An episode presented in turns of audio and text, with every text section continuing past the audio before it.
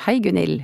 Hei, Torunn. Vi to utgjør jo podkasten Tara Wien, og denne gangen er vi kommet til episode fire. Du er Gunhild Bjørnsti, magasinet Taras faste vinspaltist, og jeg heter Torunn Pettersen og er det samme magasinets sjefredaktør. Vi lar jul være jul, og vi skal gi dere, lytterne, både en spennende konkurranse, så følg med, følg med, og ikke minst så skal vi smake på fire musserende som skal ta oss inn i 2021.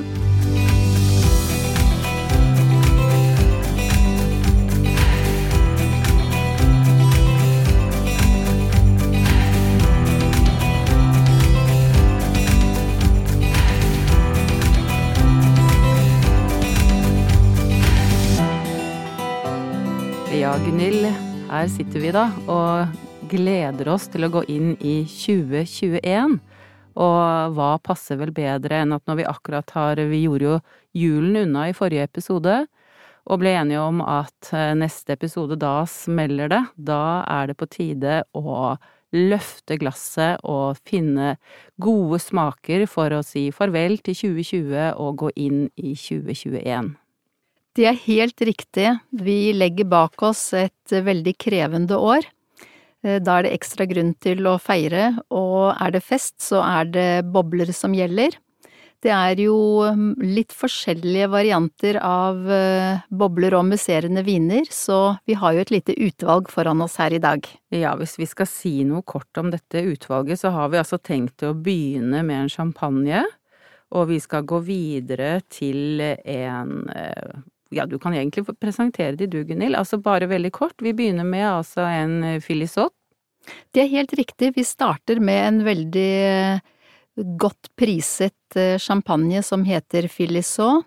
Så går vi videre til en cremant, så er en musserende vin som lages utenfor champagneområdet, men i Frankrike.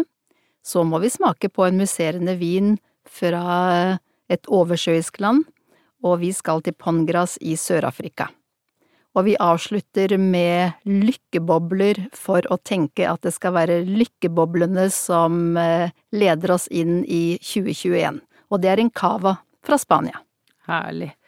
Men du, jeg har bare lyst til å spørre om én ting før vi går i gang. Dette her med å drikke musserende. For det som er på nyttårsaften, ikke sant, er at vi vil jo det føles ofte litt sånn rart når du står der klokken tolv og skåler i noe som du da egentlig har begynt festen med.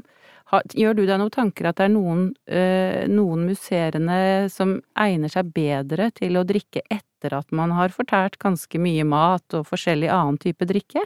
Det er et veldig godt spørsmål, fordi øh, når klokken begynner å nærme seg tolv, så har man både spist og, og drukket godt, så man er verken sulten eller tørst, men man må ha litt eh, stemning når eh, rakettene skytes og eh, klokken slår tolv til et nytt år. Men da kan man godt velge en variant som ikke er av den aller dyreste.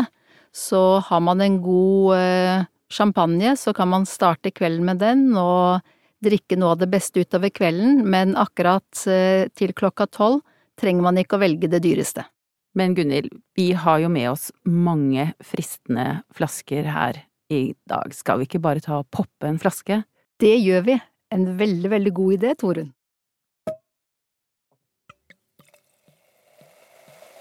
Skal vi smake?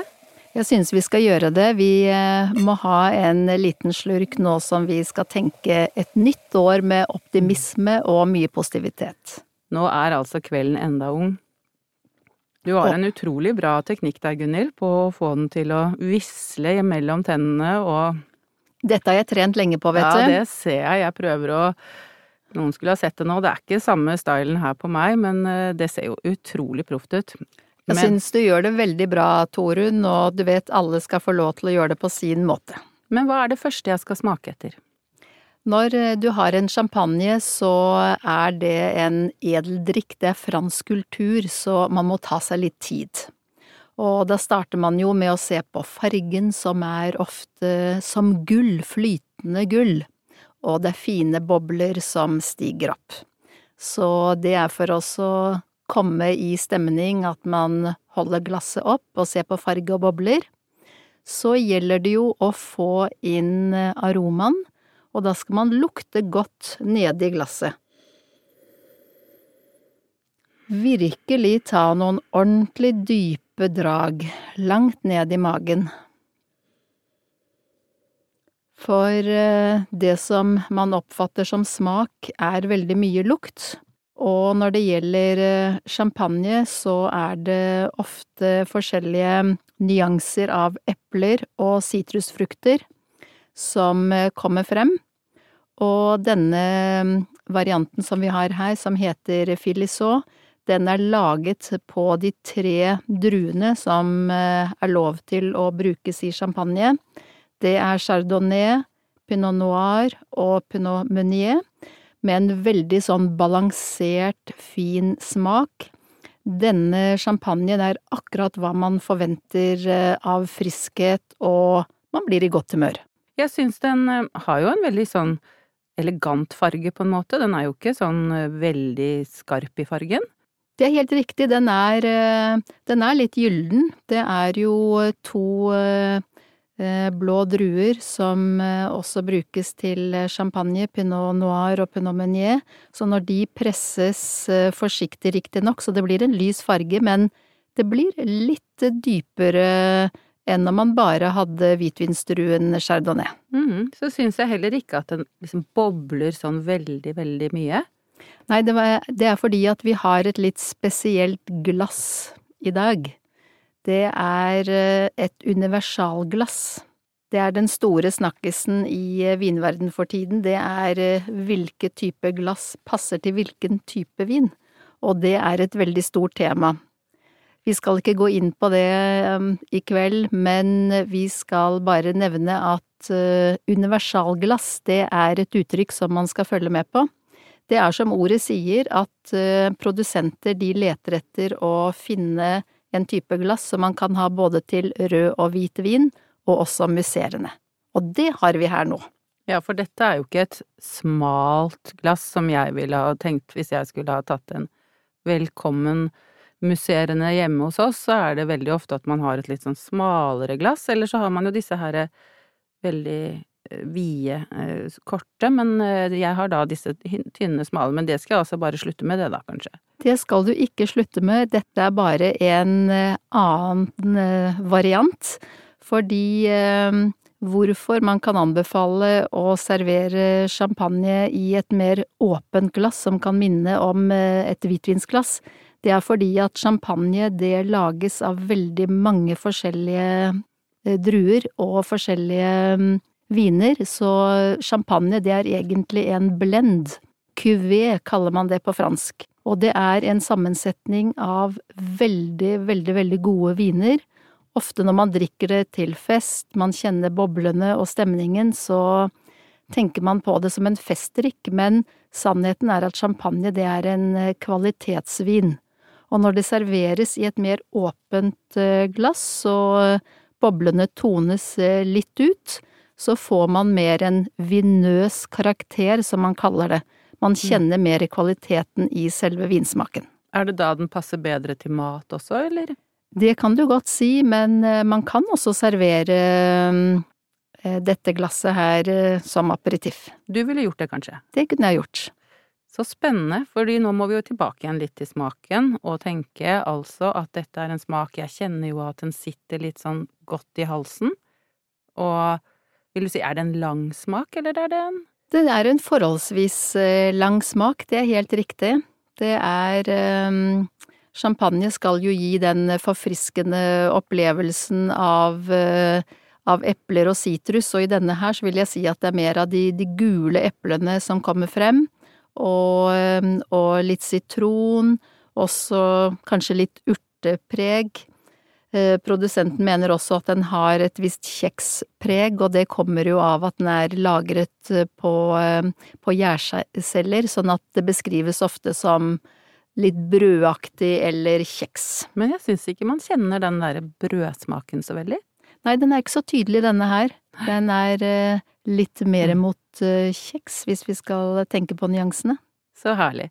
Skål, Gunhild, skål for denne, og la oss nå snart gå videre. Nå er vi i gang. ja. Spennende. Vi holder oss i Frankrike.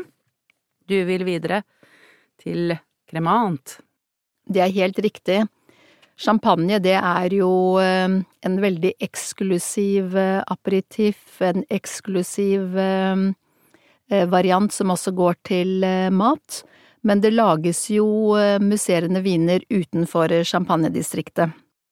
Og når den lages på samme måte som champagne, det vil si annengangsgjæring i flaske, og det kalles eh, méthode tradisjonell, eller med tradisjonell metode på, eh, på norsk, så heter det da cremant, eh, for eksempel de Bourgogne, Crema de Loire, Crema d'Alsace, ut fra hvilket vinområde den er laget i.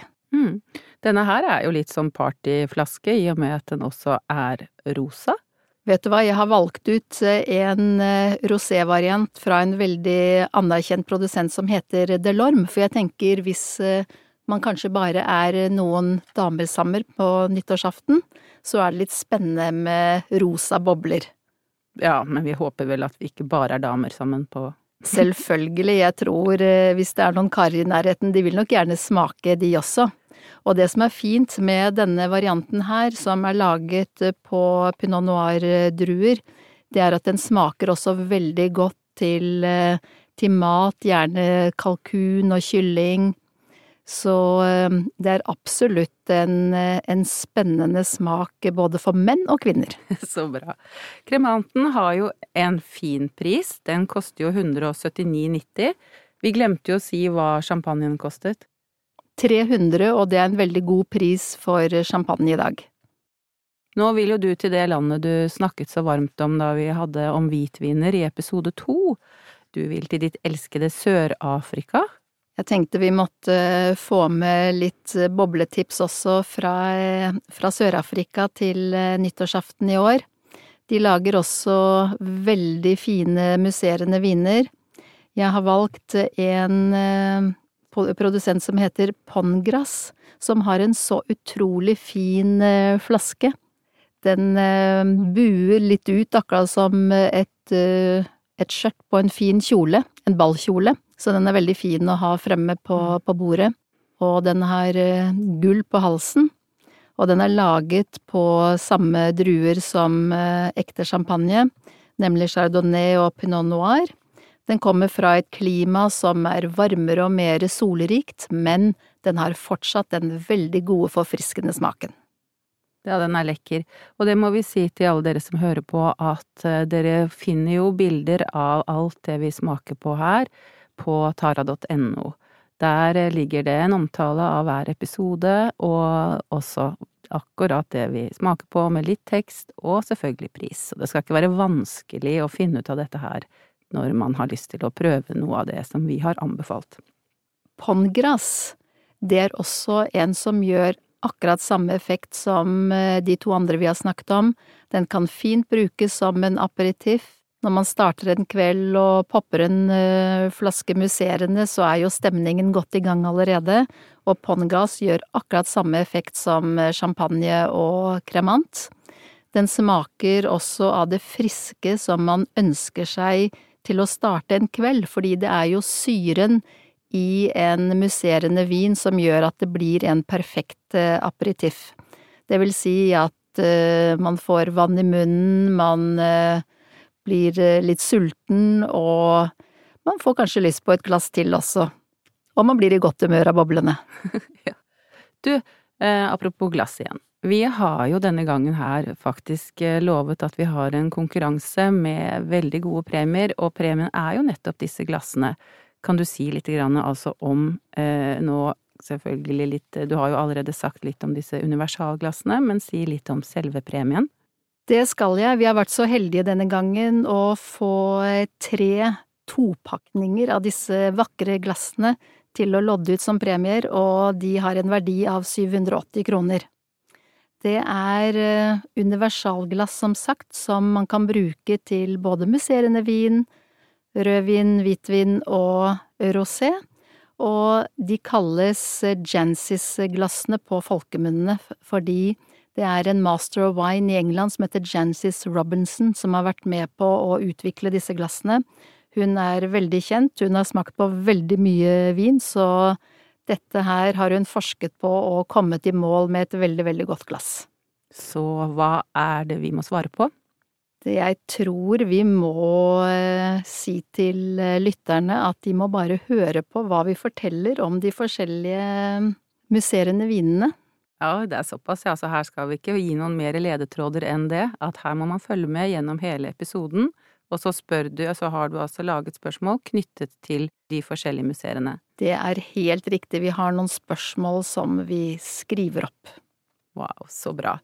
Og husk at når du da har funnet ut svaret, så skal du sende dette inn på redaksjon at tara.no og merke det med podkastkonkurranse.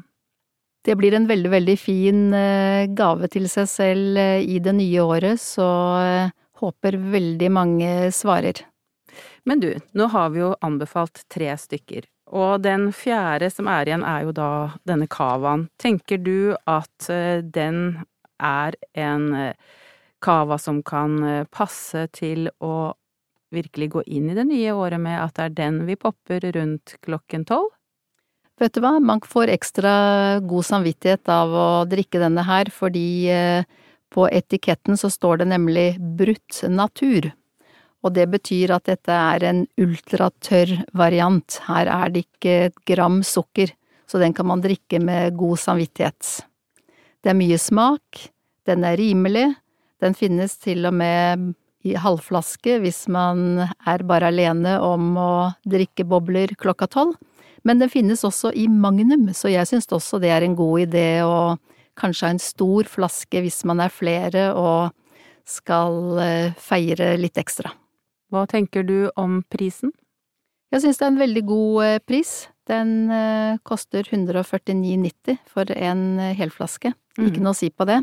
Og så er det jo en veldig herlig etikett av lykkebobler og en dame som eh, bader i, eh, i vin. Man blir jo godt humør av å se på den. Damen som har tegnet etiketten er jo også en som vi pleier å bli ganske godt humør av å treffe. Det er jo Bjørg Toralsdottir som eh, står bak selve etiketten og som har gitt navnet til denne cavaen. Og hun sprudler jo som en cava selv, så vi får jo bare si at det stemmer bra med det som både smaker og det vi ser på etiketten, og når vi også vet hvem det er som virkelig står bak anbefalingen. Det er helt riktig, Bjørg står virkelig for eh, livsglede, og jeg møtte henne tilfeldigvis eh, denne uken her. Og hun hadde også et veldig godt råd faktisk til nyttårsaften, og det er at hvis man har en, eh, en sabel det er jo også mulig å sablere en, både en cava og en champagne og all musserende vin, så hennes tips var finn frem sabelen og sabler deg inn i 2021. Da er vel egentlig tiden inne for å gjøre det vi alltid gjør, Gunhild. Vi får løfte glasset, og ikke minst ønske hverandre et fantastisk godt nyttår, og selvfølgelig ønsker vi alle dere som hører på Tara Vin også riktig, riktig godt nyttår. Må 2021 bli helt strålende. For en god idé jeg stemmer i. Riktig godt nyttår til alle dere som hører på, og vi gleder oss til å fortelle mer fra vinens verden fremover. Skål, Gunhild. Skål, Torunn.